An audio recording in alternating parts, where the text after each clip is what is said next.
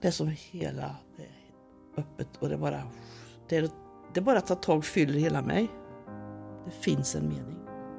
Och i den stunden så visste jag hur. Men liksom när jag skulle formulera det till ord så finns det inget.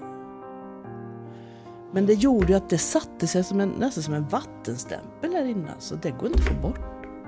Det. Så är det så att jag skulle tveka så vet jag, ja men det, det finns. Alltså det finns någonting som ändå är någon medvetenhet eller någonting som ändå tar tag i mitt liv.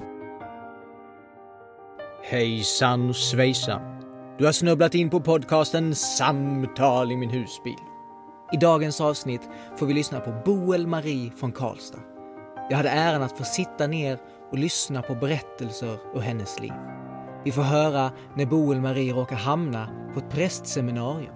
Ett yrke hon verkligen inte var intresserad av. Men när hon ska lämna blir hon bokstavligt talat nedtryckt i bänken av en mystisk kraft. Flera år senare får Boel-Marie jobb på Kumla kloster för att hålla en retreatverksamhet för livstids och långtidsdömda.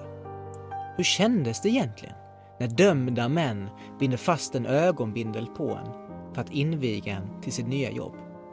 Häng med!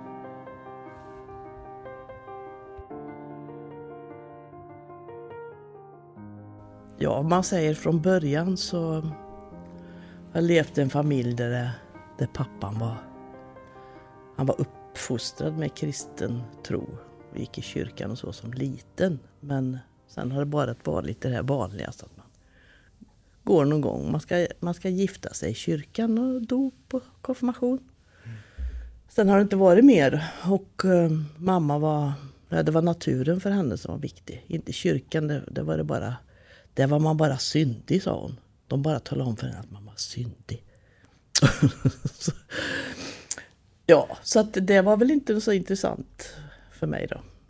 Och konfirmationen, den, utav fyra veckor som jag skulle gå, så, eller man skulle gå, så gick jag två, för vi flyttade dit då, precis, och, eller hit till Karlstad. Och sen skulle jag hinna gå i kyrkan tre gånger, det gick en.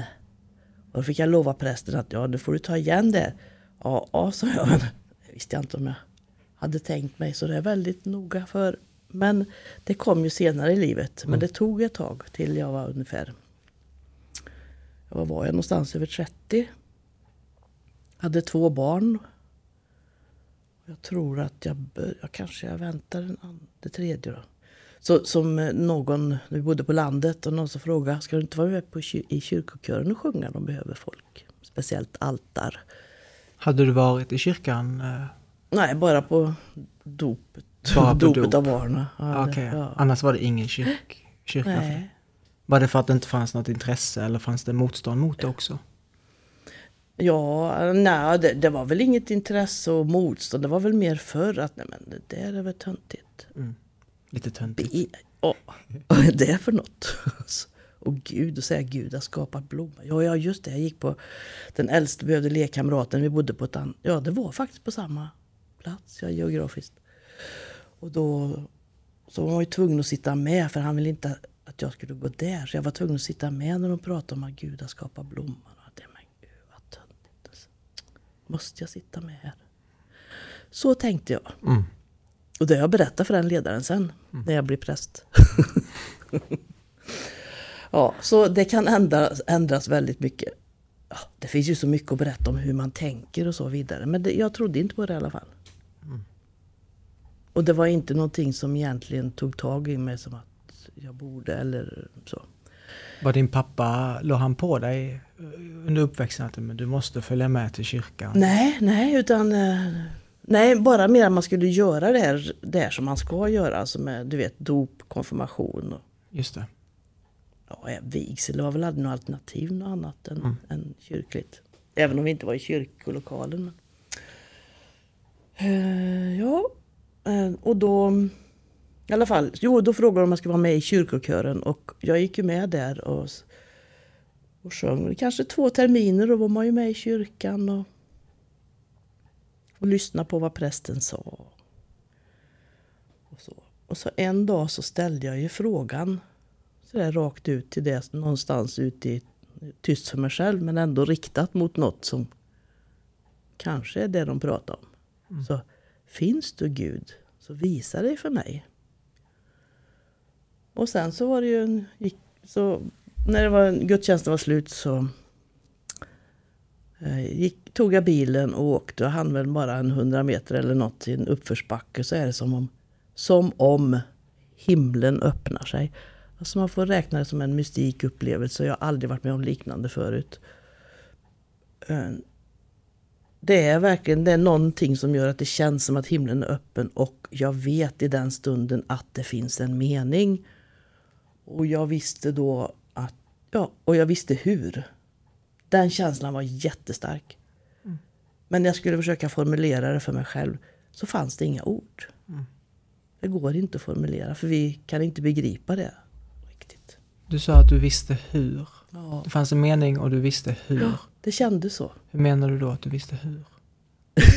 Ja, Det är det jag inte vet, men det var så märkligt. Det var antagligen bara att, att det var så starkt, det var så tydligt att det finns en mening så att jag behövde aldrig tveka. Det var kanske det det ligger i det här att jag visste hur. Jag behövde inte tveka för det var helt självklart att det finns en mening. Och det fyllde hela mig. Och det som jag beskrev förut, att det var en, det är som en vattenstämpel som bara puff, i mitt inre. Och den sitter där. Och den sitter där än. Och det är länge sedan, är det 40 år sedan eller något. Mm. Ungefär. Visste du direkt ehm, att det, var, det hade med någonting mer än det jordsliga att göra? Eller? Ja, jo, för att i och med att jag kände det här med att himlen var öppen. Och det som är, är synd är att jag inte kommer ihåg när det var för på kyrkoåret. För då skulle man kunna se om jag blev inspirerad av några texter till exempel. Eller. Jag. Jesus, jag tänker på Je- Je- Jesus döptes eh, av Johannes. Då sa man att himlen öppnade sig och en, en duva, helig ande som i form av en duva var ovanför. Mm. Och så hörde man Du är min älskade son, det är jag utvalt. Mm. Och, och, om det är sånt som gjorde att, att det kom eller inte, det har jag ingen aning om. Jag tänker på... För du... Hur var känslorna i kroppen? Går det att beskriva vad det var för känslor som uppstod? Det är ju inte så... Alltså jag var nog inte så medveten om det som jag är idag och vad det är som rör sig inne, inne i mig känslomässigt. Eh, utan det var nog... Eh, det, var bara, det måste ju bara ha varit glädje och, och frid och sånt. Eh, så då har jag svårt att tänka mig annat. För det var ju något så positivt. Mm. Men det var så stor upplevelse så jag vill inte ens jag vill inte prata om det när jag kom hem. Jag tänkte, kan min, min före detta då. Han var ju inte så road av kyrkan. så då... Det kan jag ju inte berätta om det där. Var du rädd för hur... Eller var du Ja. rädd för hur han skulle reagera? Jag, an, jag antagligen var jag rädd för att det skulle bli bortpratat som att det där var nog bara inbildning eller Mm. Någon sjuk i huvudet eller någonting sånt där. Att han skulle bli, bli lite logisk och vetenskaplig Ja, just kanske? det. Ja. Så var det säkert. Jag har inte tänkt på det så. Men det är klart att eh, det måste ju ha varit det det handlade om. Att det här med sådana här händelser är ju inte sånt som man egentligen... Ja, man ska vara försiktig med att berätta om det. Som, för att det kan förstöras på något sätt. Om det är fel människor som lyssnar och tar till sig och kanske gör ner allting så man tappar det. För det är ju en helig stund för en själv. Det är någonting som är utöver det vanliga och något som är för mitt djupaste djup, mitt djupaste jag. Och det jag tänker mig, där finns också Gud i mitt djupaste jag. Mm. Och då får man vara rädd om det. Om det någon skulle sjabbla bort det då kanske jag missar någonting. För det är väl som en stor fin stund med kärlek och så Ja, så, så man inte... Man får inte störa kärleken på något sätt.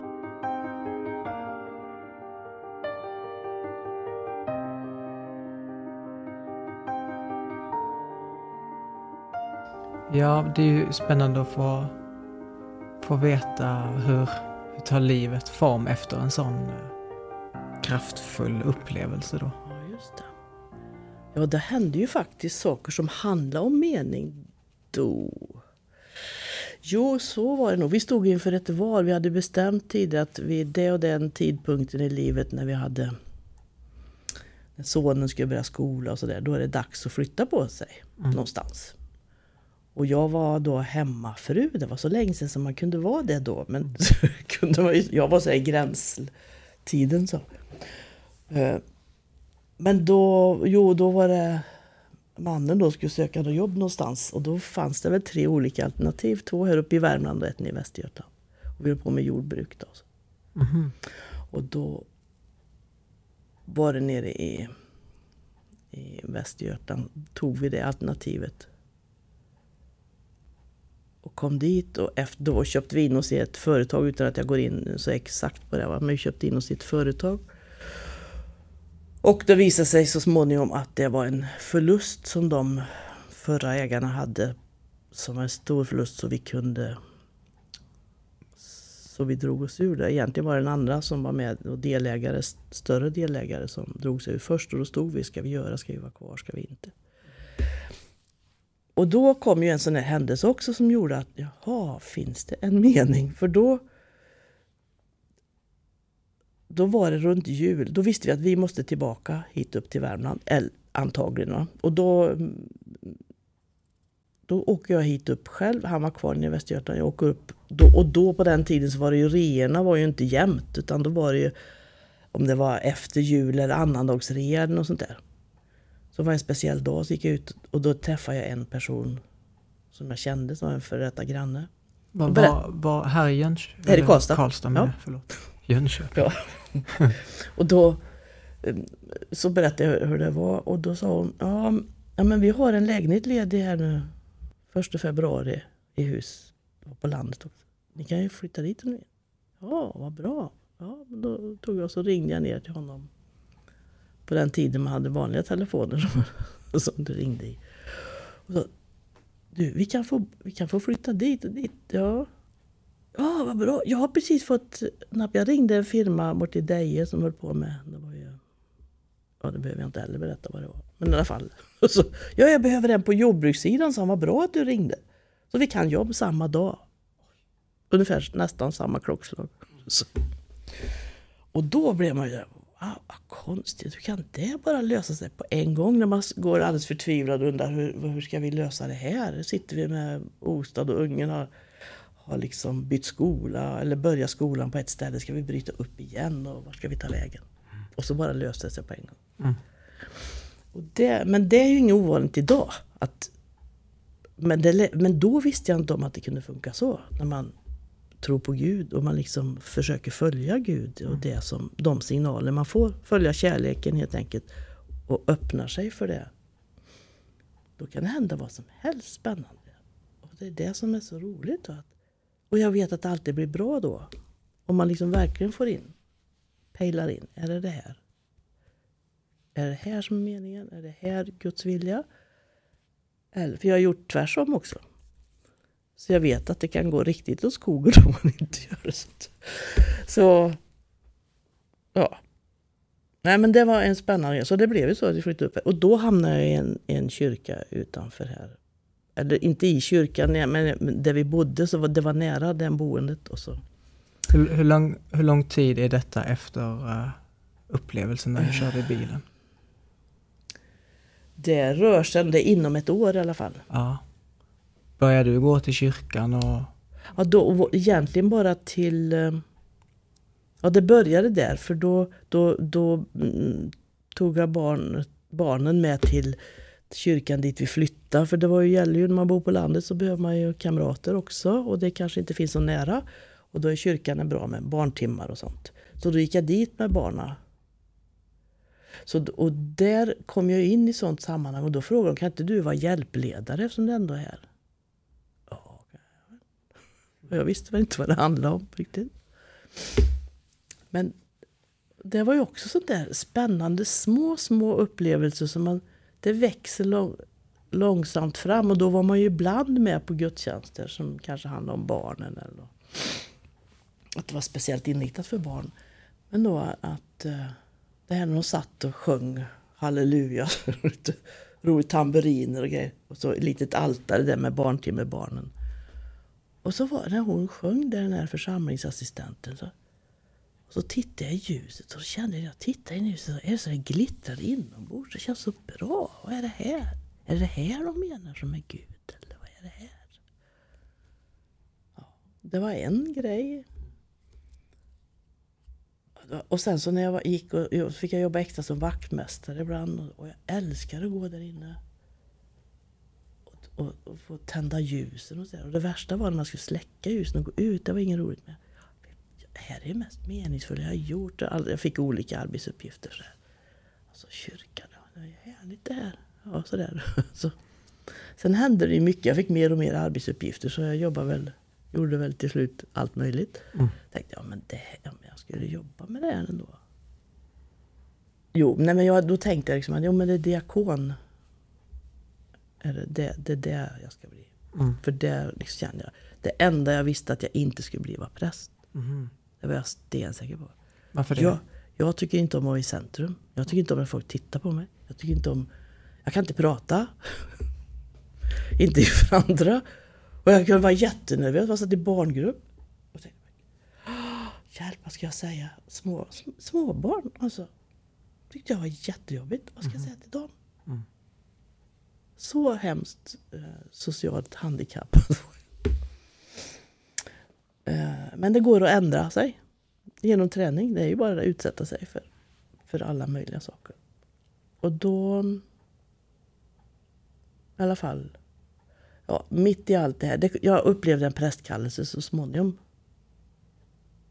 För att jag kom fel, i fel sammanhang. Och fattade inte. Jag fattade, det var en samling i, i kyrkan. Det stod att man skulle, det var någon sån här upptaktsgudstjänst eller upptaktsmässa. Och det brukar vara för ungdomsverksamheten och barnverksamheten. Men jag tyckte det var konstigt att det var ingen som hade ringt mig. Mm. Då brukar de göra om man ska åka ihop. Men ja, jag åker väl ändå. Jag ringde ingen själv. mm. Och så åkte jag ner. Då, ja. Jo, jag kom in där i domkyrkan där och så, och, så vet jag, jag var tveksam. Men jag såg inga jag kände. Så då... Ja, jag, jag, känner, jag känner inte igen dem. Jag gick in och tittade i alla fall. Där och tänkte, är det här är väl pinsamt? Jo, men det är några präster jag ser som jag kände igen, men inga andra sådär det är pinsamt. Nej. Och så skulle man äta lunch efteråt och så, skulle jag ju... Nej, jag går ut härifrån. Men när jag skulle gå ut så kan jag inte gå ut. Jag blir nedtryckt i första bänkraden. Alltså stolarna framför, längst fram. Så jag riktigt fick skämmas. Det var ungefär som någon står och trycker ner mig. Ah! Vad är det som händer? Så jag kunde inte gå upp, gå upp där. Och så, ja, så kom biskopen in och gick och kollade liksom ungefär vilka som hade kommit. Och så, här, så säger jag. Jo, för, ja, och då, jo men då hade vi ju träffats någonting för han hade väl haft någon sån här visitation tror jag där ute så han visste väl vem jag var tror jag. Och uh, så sa jag det, jag, jag har inte anmält mig. Så att jag kände mig jättedum där framme. Jag har inte anmält mig till lunchen. Nej men det gör inget så han klappar mig på huvudet. Det gör du så välkommen så. så. Och jag visste liksom inte, jag kände mig alldeles förvirrad. Vad är det här? Jag sitter, jag kan inte resa mig. Och sen så började jag, så såg jag det började komma det mer präster. Och så, vad är det här för någonting? Och sen i alla fall så kom de, gjorde, hade någon procession in där. Och jag tyckte den där första som gick där och blängde på mig. För hon varför jag satt där och längst fram. För mig själv. Och inte skulle vara med. Jag är ju ingen präst. Mm. och så började han att prata och så hör jag att det är bara till präster. Men vad är det för någonting jag hamnar i? Ja, och så var det nattvard. Och jag går ju fram där då eftersom jag ändå var där. Så går jag ju fram för det gick ju att gå dit. och, så, och det var ju knäfall på den tiden. Och jag vet när jag står där, jag kände sån gemenskap med dem. Jag tänkte, wow, vad märkligt. Och så går jag och sätter mig sen efteråt och, och tänker. Vill du mig någonting Gud? Vad är det här? Det är så konstigt allting. Så, och jag var så fylld av kärlek kände jag. Då, liksom, och så bara känner jag hur det väller upp så här bara. Jag kan tänka på att bli präst. Nej, jag vill inte det.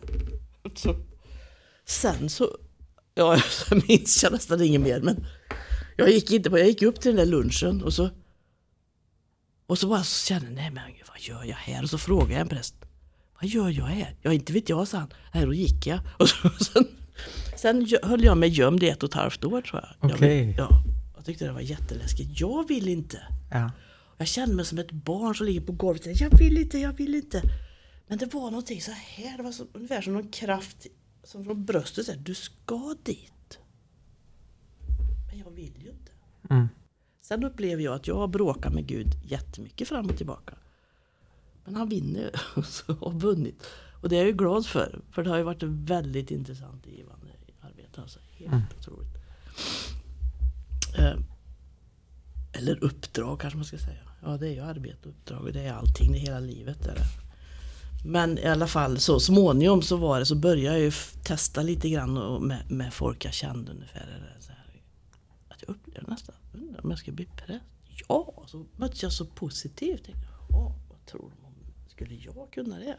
Präst, då måste man ju kunna allting. Så måste man vara så ordentlig. Och alla ska fråga en om allting och man ska kunna svara jämt. Och, och en präst det är ju en, en gammal snäll farbror. Det kan ju inte, det, kan, det går ju inte det här. Så var ju mina tankar. Men det var en som sa, du behöver en, anmäl dig till stiftet, intresseanmälan. Du behöver inte bli präst bara för att du testar. Mm. Och det gjorde jag. Och så plötsligt var det bara som att sugas upp. Så jag bara, vroom! Och sen var det full fart ut på praktik. Och det, var, och det gick väl ungefär ett halvår och sen slog det i bromsen till. Nej, nej, jag vill inte, jag vill inte. Och så... Men för det mesta så var det som att när jag gjorde så så... Då bara... Då suddas det ut i min hjärna nästa dag. Min protest fanns inte. Så då vet jag inte. Men jag vet en gång så var jag sådär jättesäker på att nej, nu vet jag att det inte är det. Och jag vet, jag la mig i badkaret. Uh, vad skönt. Nu vet jag, jag ska inte bli präst, jag ska bli diakon. Det är det jag har bestämt mig för och så. Så somnade jag. Och så, så vaknade jag av att jag hör. Som en röst som säger Du ska gå på gator av guld. Jag ska alltid vara med dig. Och så, oh, vad var det? Och sen, sen somnade jag igen. Och så vaknade jag igen. Gå ut och gör alla folk till lärjungar och döp dem i Faderns, Sonens och helige Andes namn.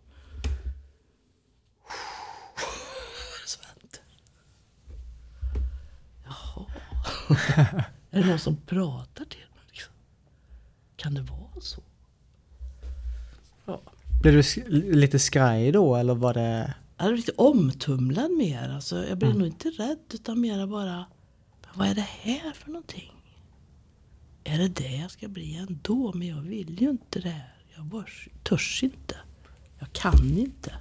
När man börjar få sådana upplevelser, jag tänker både att du blir nedtryckt i bänken, du, bör, du hör Mm. de här, börjar man fundera lite på, men är jag kanske galen eller är det Gud, Ja. Jesus som talar till mig? Nej, det gjorde jag inte i det läget. Det har väl kommit andra eh, saker så senare som har varit intensiva. Men, eh, men inte... Det kan jag väl fråga män idag. Men, nej men... ehm, nej, det är bra att fråga sig det egentligen. För att man måste ju ha lite självkritik och självdistans och sådär. Så att det får man göra. Men, jag är noga med ändå att jag- jag vet att jag hade den begränsningen att jag vill inte läsa om vad, vad människor med, som hade upplevelser och så. För jag ville, in, jag ville att det skulle vara äkta från mig och inte att jag hade läst till och blivit påverkad. Så mycket av det jag upplevt, jag, liksom, jag visste inte. Mycket, jag har fått mycket upplevelser som handlar om Uppenbarelseboken och sådär. Men eh, och jag kände inte till det då. Det här gator, på, gator av guld, det visste jag inte.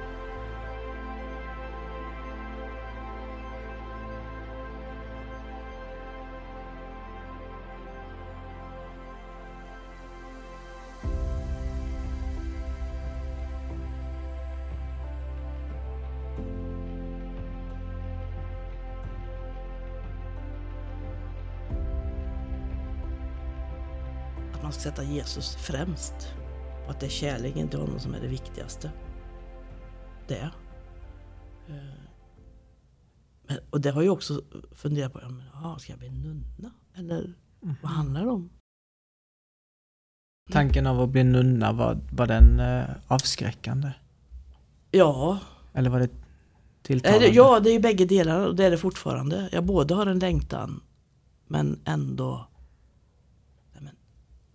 Bo så där och så någon annan som ska bestämma över en. Nu, nu ska du äta och du får inte gå ut, du får inte träffa folk. Och så, nej men det kan jag inte. Alltså det, så det, det men den, eh, Vad är det som är lockande med det då? det är nog att leva eh, där Kristus verkligen får vara i centrum. Där man ber. ja, Stillheten. Kärleken som blir i bön när man lever nära. Det är en miljö som är fridfull. Och, sen, men vägarna ledde ju dit så på något sätt har jag redan varit abbedissa. Alltså i klostret på Kumlaanstalten. Att man är den här eh, retreatverksamhet var det ju på som de startade ju ett som de kallar för klostret. Och du, jobbade du där? Ja, jag jobbade där så att det, var, det startade ju 2001. Och det var en präst här från Karlstad. Startade det och så hade de 30 dagars retreater. Mm. Och för att göra en lång historia kort, för det finns ju massor att säga om det. Men så frågade han vid något tillfälle att Jo, för då hade jag varit där och haft en veckolång retreat, eller fem dagar bara. För din egen skull eller? Nej, för, för att leda intagna. i- Okej. För att de skulle vänja sig vid att vara där så fick de gå en på fem dagar. Men då, då hade jag, och så hade jag lovat bort mig. Det var 2006, det var första gången. Och, an, och så hade jag ångrat varför jag lovat bort mig en gång till. För jag tyckte det var otäckt. Med murarna och det här. Var så, Okej. det var lite otäck miljö på något sätt. Och så frågade han, ska inte du ta över efter mig när jag går i pension? Ah, det är väl för stor överrock, tänker jag. Hjälp! Men hur det nu var, det frågade han mig strax innan jag skulle, den där andra gången, 2007, när jag skulle Ta över vad? Vad hade han för uppgift? Ja, han eh, ledde ju hela den verksamheten och styr, ja, det, var, det är ju speciellt, det får man nästan prata om på ett eget. Det var en avdelning och dit fick livstidsdömda och långtidsdömda komma. Och man har ju transporter varje vecka från olika fängelser som hade långa straff. Fick komma dit och de, de, det var ju frivilligt så de fick Oj, vad spännande. ja, fick söka dit och så fick de prova då de här dagarna och var det så att de eh, ja, ville och det var lämpligt så fick de kunna gå en 30 dagars sen. Okej.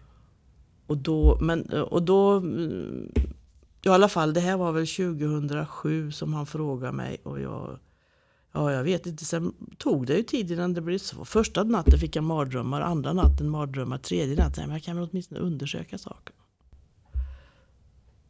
Och sen gick ju tiden och så blev det inget mer prat om det. Så då ringde jag och frågade till slut, du när andra som drar i mig här, vad ska vi göra?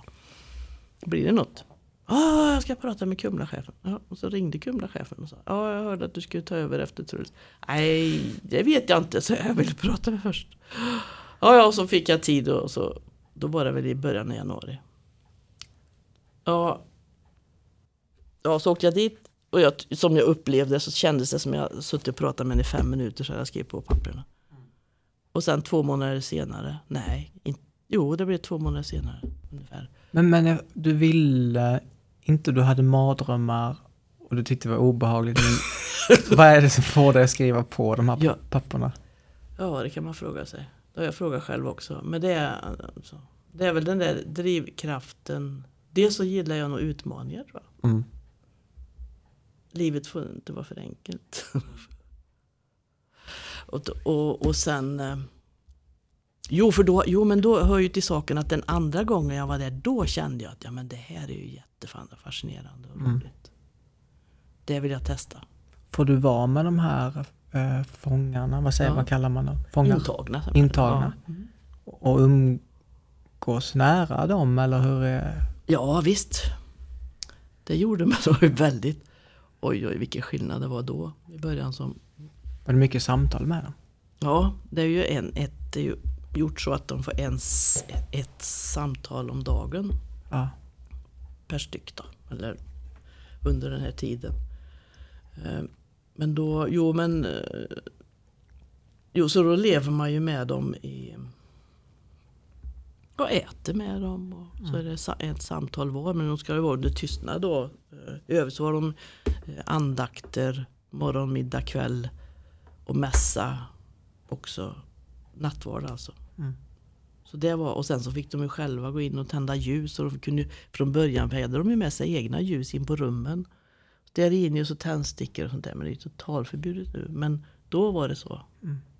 Och då vet jag, då hade man ingen, hade jag ingen larm ens en gång. det var tider där. Ifall de skulle börja eh, Ja. elda upp en... Ja, det så, ja, men om de skulle bråka eller om de skulle, det, det skulle man ju kunna tänka sig att de skulle kunna göra. Men, Mm. men det har ju inte hänt något. Hur För var- de ville ju, det var ju så, det var väl han duktig på att starta med det här Truls då, att han Han fick dem verkligen att känna ett engagemang själva de här killarna. Han såg till så att de kände att de var med och byggde upp det här. Mm. Och, och då blir det deras stolthet också att de fick vara med. Hur var det att umgås med de här människorna som man visste hade gjort massa hemska saker? Ja. Det är det som är det konstiga. Väl, för de, de flesta säger det, men ställer sådana frågor och de undrar. Och, och då skulle de flesta skulle inte kunna göra det. Och det är det jag tänker med det här med kallelse i. När man får det. När det är en uppgift som Ja, Gud ger en väl de redskapen. Och, Mm. för ehm, ja, redskapen för att man ska klara av det. Mm. Och, då är det som att man ser, man ser personen i sig, det djupaste. Alla har ju kärlek i, bit, i botten och alla har varit barn och har det lilla barnet finns kvar där i, där inne någonstans. Men det har gått snett någonstans på vägen. Men då får man möta den precis som man skulle möta någon annan som kommer hit bara och vill prata. Jag vet ju inte vad den har gjort. Men då kunde jag ju ta reda på allt. Jag visste kanske eh, i början om det var något speciellt. Det kanske blev den där, alltså den sitter för mord eller den har ekonomi eller det är något annat. Men det var liksom inte det som var det intressanta. Om inte de ville själva ville berätta om det. Utan för vi hade ju det är ju så en process de ska gå igenom. För det är ju främst det med 30 dagars då som var min, min stora roll i det. Då, på att säga. Plus att jag ansvarar för att det skulle komma in andra ledare som också kunde ha såna här kortare retreater och så. Och ute och test, åkte runt gjorde jag eh, och pratade med dem som hade sö, ansökt om att få komma tillbaka då. Mm. När jag jag var ganska, ja jag var väldigt ny där och jag undrar om inte det var en sån där retreat som vi hade för lite grann för att jag skulle få testa. Skulle- Han var väl utvalda killar som har varit med före lite grann. Så att jag skulle väl skolas in och de skulle hjälpa mig och, ungefär hur jag Ja, hur det var. Men då skulle jag ha en avspänningsövning. Så att då lägger jag mig lägger vi oss på golvet. Och Jag, jag gjorde ju alltid tvärsom. Jag fattar inte. Jag ska alltid göra tvärsom mot den. För man ska ju naturligtvis lägga sig längst ut så att så man har flyktväg om det händer något. Man ska ha larm. hade inte jag. Och så ligger längst in i hörnet och det är åtta killar eller något som ligger på, på golvet. Och så satte jag på en avspänningsövning. Och så ligger där och slappnar av och lyssnar på det där. Så. Och sen rätt som det är så det var tyst det. Inget, inget jag slutade. Vad är det? Vad är det? Ja, det är jag som är ledare. Ja. Och så tar jag upp huvudet och tittar. Och så börjar alla att gapskratta. Ja, då har jag somnat och går snarkade. Nej. Men tänkte, det var, det var bara en ganska bra grej för jag tror att jag visar väldigt tillit då på något sätt. Så det blir ju väldigt bra kontakt. Det var min start. Och sen så en annan rolig sak också. Ja, det kan jag berätta. Den andra grejen kan jag tala om sen. Det kan jag tala om hur jag blir invigd. Ja. Ja, invigningsriten Mm kan vi kalla det. Den kan jag ta. Jo, för jag kan berätta då att jag var på en hur det startade. Då när jag hade sagt ja så fick jag gå in i en 30 dagars retreat med Truls. Så att jag skulle vara med i hela den processen, vad vi gjorde och sådär, och lära mig. Och ja, så att det var Och sen så släppte han ju taget då, och så fortsatte jag själv. Jo, det var då han sa det här med att det skulle, han, en ö, ett överlämnande eller invigning utav mig som ledare där. Skulle vi ha. Ska vi ta in biskopen och landshövdingen och det man sa. Eller Kumlachefen och biskopen. Eller ska vi ta det med killarna? Nej, vi tar det med killarna. Och då hände den där grejen som jag skulle säga. Var ska jag börja då? Jo, det var ju så att jag började med, jag startade verksamheten där på klostret. Eller inte, jag startade min del i, i verksamheten då och ta över efter Truls. Då 2000, det var först i början av januari 2008. Och han skulle pensioneras. Och då skulle jag vara med på en lång retreat, alltså en, en 30 dagars retreat. Där vi levde tillsammans med åtta killar var det. Och ehm, då tyckte han väl då eftersom han då skulle Ja det sa han i början, ja då sa han till mig så här Ja men då ska vi ha en, en, en någon typ av invigning utav dig då att du tar över här efter mig och så. Ja okej, okay. och då talade han om det för dem vid bordet när vi, på middagen när vi satt åt. Och då är det en sån här som var lite så här i sitt sätt. Ja men, ja, vad bra! Ja men då rakar vi av håret och ögonbrynen. Och det blir gapskratt.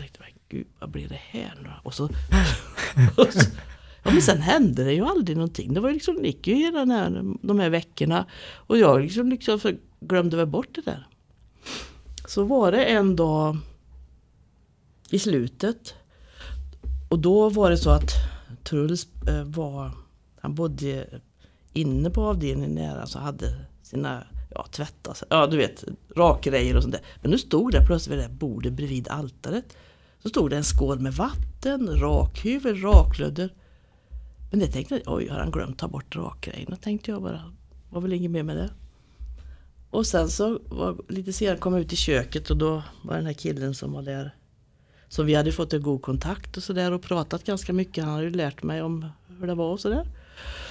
Och då så sa sätt dig ner sa han. Och, och så tog han handen i fickan och tänkte nu ska jag få en present eftersom jag, vi ska sluta nu eller skiljas åt.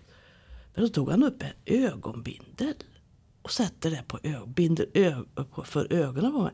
Och då bråkade vi och slogs. Jag försökte bli fri men det gick ju inte. Han vann ju. Så att men var, blir... det ändå lite... Ja, alltså för det här är ändå en fånge. Ja, jag vet. Jag vet. Men så var livet där. Och så, ja. och så Ja, och då sen så ledde han mig ut. Jag hör, och då hör jag, och jag förstod att det är borta i det andaktsrummet där som var nere. Och jag tycker jag hör dem vissla. De är där de andra, viskar alltså, då hör jag. De är där de andra också. Och då börjar det gå upp ett ljus för mig att nu är det dags alltså. Nu ska de ta mitt hår. Nu ska mm. de ta. Och prästen kunde ju vara lite vild ibland så det litar jag inte på att jag kom undan. Så det var ju bara, och så tryckte de ner mig i stol. Och jag försökte komma loss. Och det var ju samma sak där, jag förlorade ju. Och sen, mm. ja då hör jag ju hur de är där runt, runt mig. Och så börjar de plaska i vattnet och ta in raklödder i ansiktet.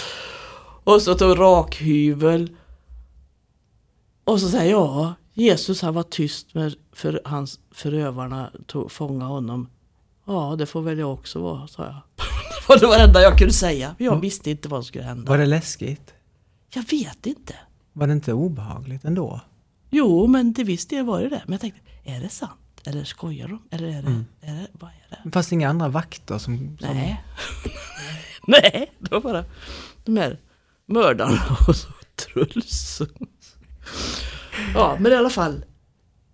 Och rätt som är så känner jag en massa händer på mitt huvud. Mm. Och så läser de välsignelsen. Mm. Och jag höll på sten. Alltså, wow vilken känsla. Och efter ett tag så tar de bort ögonbinden. Då står de med en lång varsin lång röd ros. Jättefin. Så, så från skräck, från vad är det här? Så fick jag en stor, det stod de med sina pyjamasar ungefär som du vet grå mjukiskläder med varsin ros. Det fick jag som en.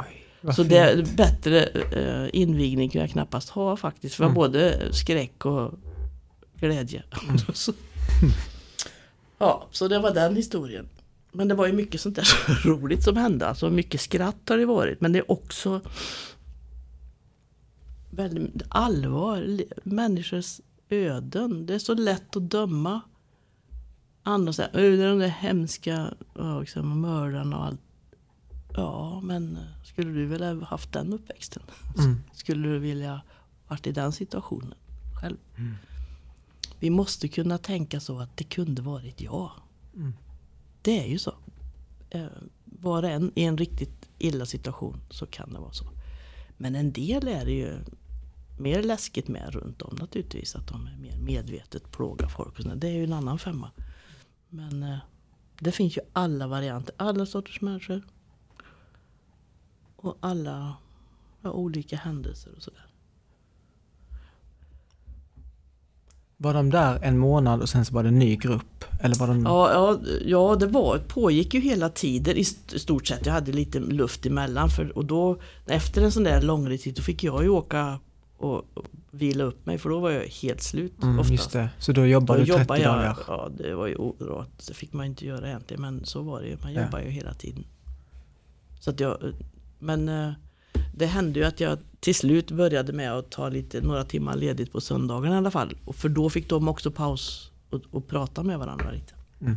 Annars fick de ju vara tysta. Aha. Så, jo, så att då, men jag var ju ganska så sliten efteråt så att då fick jag ju åka bort. Så ofta så var det någon, nästan en vecka på spa och sen så någon vecka hos några nunnor och så för att återhämta mig både det efteråt för man var ju ganska redslut. Mm. Så Ja, och sen var det, och då var det någon annan, sen hade jag mycket timmar att ta ut, sen så var jag ju ledig efteråt. Men sen så, då fick ju rulliansen, det fick ju fortgå med kortare retriter och då var det ju andra retreatledare, sådana som man har fått ragga upp då så att säga, och så, som fick ta en vecka sån här prova på retreat eller som är en vecka de fick testa om de klarar av en Mm. och var i tystnad och så. Då kunde det vara så att de upptäckte att det var något helt nytt och spännande. Så de verkligen ville få gå en sån här lång retreat.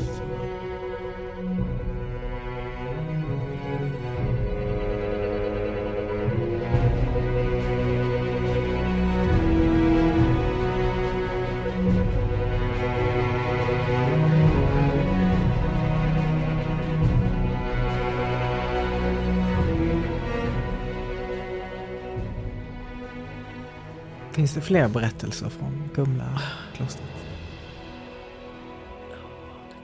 Förlåtelseriten kunde ju vara ganska stark. Ja, berätta. De fick ju då under första veckan så får man ju då först lära sig eller, texter som berättar om dels Guds kärlek och hur man är, hur man är tänkt att ja, man är, säger, Gud vill ens liv och man är älskad som man är och så vidare. Och sen kommer ju då som mm, förklarar hur synden kommer in i, i, i livet, att man gör saker som inte är kärleksfullt. Och blir det riktigt illa så kan man ju vara så att man hamnar där. Och då blir det i slutet av den veckan så är det som då får de ta och rannsaka sig. Och då är det på verkliga livet ute så brukar man ha en bikt riktigt då. Eh, Men eh, här fick de ju skriva ner allt om det som det är ett brev till Gud helt enkelt. Alltså det som man har gjort och det man ångrar och så där vill ha förlåtelse för. Så där fick de väl ett dygn på sig ungefär, tror jag det var, och, och skriva ner. Och sen så hade vi en liten ceremoni där var, de fick stoppa i det kuvert och sen satte vi upp det på ett stort kors och fäste dem breven på det. Så en liten procession ut till rastgården och där hade vi en grill som eldade upp.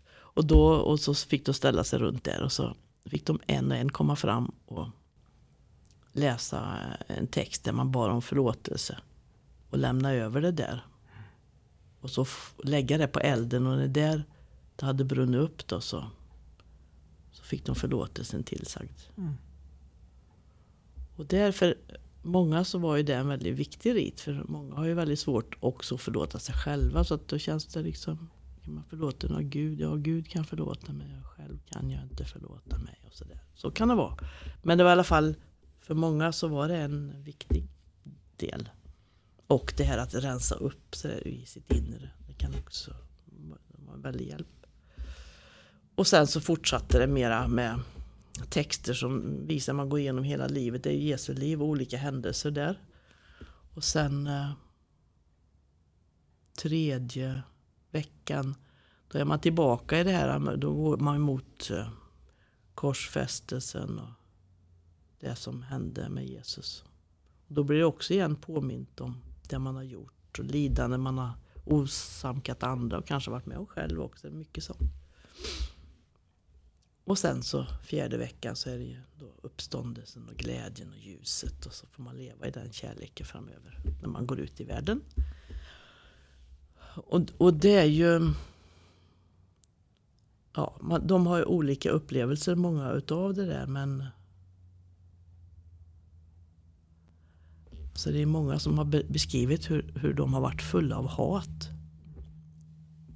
Hatet har frätt inombords. Och de vet inte hur de ska komma ur det.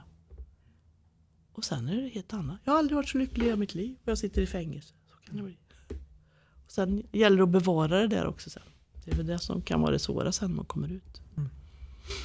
För så ska man komma ut och så, jaha, då kanske jag bara har en familj som är kriminell. Jag kanske bara har kompisar som är kriminella. Mm. Och så, hur ska jag kunna hålla? Jag måste kanske bryta, jag måste kanske flytta. Jag kanske måste, hur ska jag få kontakter, få bra jobb? Och jag har bara lärt mig att umgås med kriminella med viss jargong. Hur klarar jag mig? Hur vill någon annan möta mig? Eller? Så. Mm. Så mm, det är inte, det är inte enkelt. Det är det verkligen inte. Men eh, det finns en möjlighet och många har det gått väldigt bra för som har varit med i det här. Så. Så det var många som kom till tro när de var på Kumla ja, klostret. Ja. Hur var det för dem sen? Och, för då kom de sen tillbaks till fängelset. Ja, just det. Och då, och då ofta var det så att då, då blev det ju uppmärksammat för när de kom dit sen så ville de inte ha på tv. De var inte vana vid tv. Utan de tyckte det var skönt med att vara tyst. Och de andra undrade varför sitter du för dig själv? Eller varför sitter du inte på tv? Och, och så fick de ju berätta lite då, och så säger de nej ni får gå dit och undersöka själva. alltså, så det var ju, spred sig ju dem emellan. Och så märkte de ju att de där mådde ju riktigt bra de där. Alltså. Då blir de lite nyfikna de andra. Kanske man ska dit ändå. Och andra kanske har gjort reklam väldigt för det. Och de andra som har sagt nej jag vill inte dit. Men sen till slut så har de i alla fall efter några år så har de gjort det. Och så, Varför har jag inte gjort det här tidigare för? Mm. Så och jo, en, en kille det glömmer jag aldrig. Det var, en, det var mot slutet innan jag slutade. Så mötte jag en som hade bara varit med en vecka. Och jag hade inte haft det retreatet för det var någon annan. Men jag i alla fall pratade med honom och var där då. Så sa du jag måste få prata med dig, sa han. Va, vad är det här för någonting? Jag hatar ju ingen. Jag är ju inte ens irriterad. Vad är det? Jag måste få komma tillbaka igen. Kan du ordna mig? det jag tyckte det var så fint. Eh, så jag tänkte jag, men tänk människan har upplevt, han aldrig att det var något nytt där, att inte vara irriterad, inte arg. För att det är ingen som bråkar med Det är ingen som håller på med kåksnack eller är otrevlig. För de får inte prata. och man, man blir liksom mild och lugn när man får gå och tända ljus. Man får liksom bara läsa positiv text. Om att man är älskad. Man har ett värde. Det finns något mer bakom. Det finns en fortsättning här på andra sidan. Och vi får, alltså det finns en mening med allt. Och då blir ju människan mer harmonisk än om man bara får i sig en massa strunt. Um, men du fick ju vara med om en del, mm. nu säger jag övernaturliga, mm. men du kanske inte använder det ordet? Ja, det, jag brukar, ja, det, jag brukar, det spelar ingen roll. Ja. Det kan jag göra, men jag säger kanske inte så. Men... Jag pratade med en nunna en gång och hon gillade inte när jag sa det. Nej, nej. Uh, men var det någon upplevelse av det övernaturliga på Kumla också? Ja. En gång väldigt tydligt. Och jag vet inte. Mm. Det var också en nunna faktiskt. Ja. Vill du Jag vet. berätta om det? Jag ska se om jag kan reducera lite grann för det känns som att man är inne och tassar på någonting lite som är väldigt svårt alltså, eller speciellt. Mm. Det var en nunna som, hade, som jag upplevde jag hade fått god kontakt med. Och eh, berättade hon när jag såg henne sista gången att hon hade fått cancer. Mm. Så, ja, så jag hann aldrig träffa henne något mer sen. Och eh, då så kom, fick jag reda på, kom det ett brev eller en mail eller vad det var, att hon hade avlidit i alla fall. Så jag skrev till dem, om kondolens, och beklaga och så. Och då fick jag ett brev tillbaka och ett foto på henne och så här. Och det fick jag till, till Kumla. Och så satte jag en bild på henne uppe. Och så på min byrå där. Och så ja, lite barnslig som jag är sådär, min tro så så här, Men du, du kan väl lägga ett gott ord för mig till Jesus? säger. Ja, okej. Och så, för det är ju det som blev när jag jobbade där, så blev det ju att jag var tvungen att lita på Gud. Jag var ju ensam ofta som ledare. Och då måste jag ha någon att, prata med. Då måste jag ju prata med Gud och, så, och lämna över samtalen som blev så intensivt emellan. Vad ska jag göra av det här? Nu ska jag in på nästa. Jag måste lämna över det här. Ta hand om det här Gud. För när, nu, är det, nu får du ta hand om det. Och så tar jag nästa. Och så, så. Och det blev en teknik för mig att klara av och, och ha alla samtalen. Men i alla fall. Eh, jag gick in sen och så hade vi en mässa lite senare. Eh, med de här som vi hade varje dag. Och när jag står där vid altaret så plötsligt så, stå, så upplever jag jättetydligt att hon står. Det är just hon som står bredvid mig där. Som är död. Mm. Så att jag blev alldeles så här st- stilla vet jag ett tag. Men eh, ja, jag fortsatte och vi delade ut det här. Och så, och så satte jag mig. Och sen efteråt, vi brukar ju sitta Ja, man sitter tysta efteråt och sitter i ring. Och så bara är stilla i, i tystnaden. Och, så.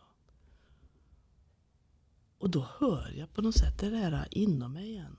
Säga att jag älskar dem. Och så tänkte jag, men vad är det här för någonting? nu? Säg att jag älskar dem. Var kommer det här ifrån? Är det Gud? Eller vad? Till slut tänkte ja, jag måste säga det. Så jag sa det till dem. Jag har fått till mig att att jag ska säga att jag älskar er. Men det är inte jag som älskar er. Det är, ja, det är väl Gud som älskar er antar jag. Man bara vet att det ungefär som du kan veta om du blundar så vet du att du, nu står det en här som Mm. du känner. Mm, precis. Ja, något sånt.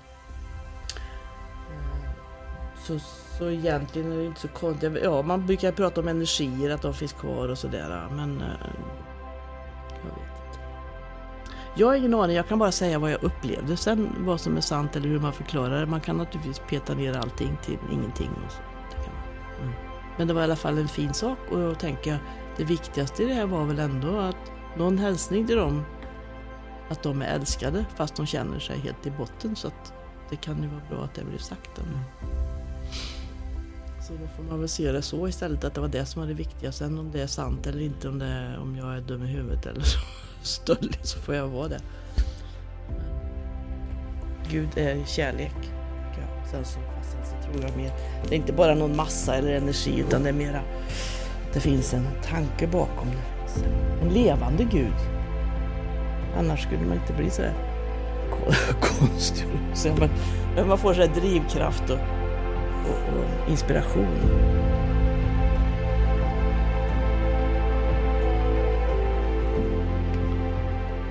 Tack så mycket för att du har lyssnat på avsnittet med Boel Marie.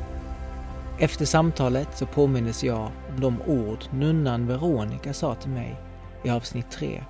Det är inte du som väljer Gud, utan Gud som väljer dig. De orden tror jag Boel Marie verkligen är villig att hålla med om när det gäller hennes liv. Men vad gör man om man inte får erfara någon stark kallelse eller får en upplevelse av den mystiska dragningskraft som vilar bortom det som vårt intellekt oftast inte kan förstå sig på? Jo, vi sätter oss ner och utforskar vår längtan. Vad är det jag egentligen längtar efter? Är det en påse chips? Är det en film? Är det den här utbildningen? Är det det där huset? Eller kanske är det någonting annat? Så länge vi är ärliga mot oss själva och låter vår längtan få ta form i ett sökande så tror jag att vi är på rätt väg. Tack för att du har lyssnat på det här avsnittet. Om du gillar det jag gör så får du gärna dela med dig av podden. Muntligt, sociala medier, mail. Du väljer. Så länge du delar så är jag nöjd. Man får även lov att swisha valfri summa till 0722 05 2122. Adios!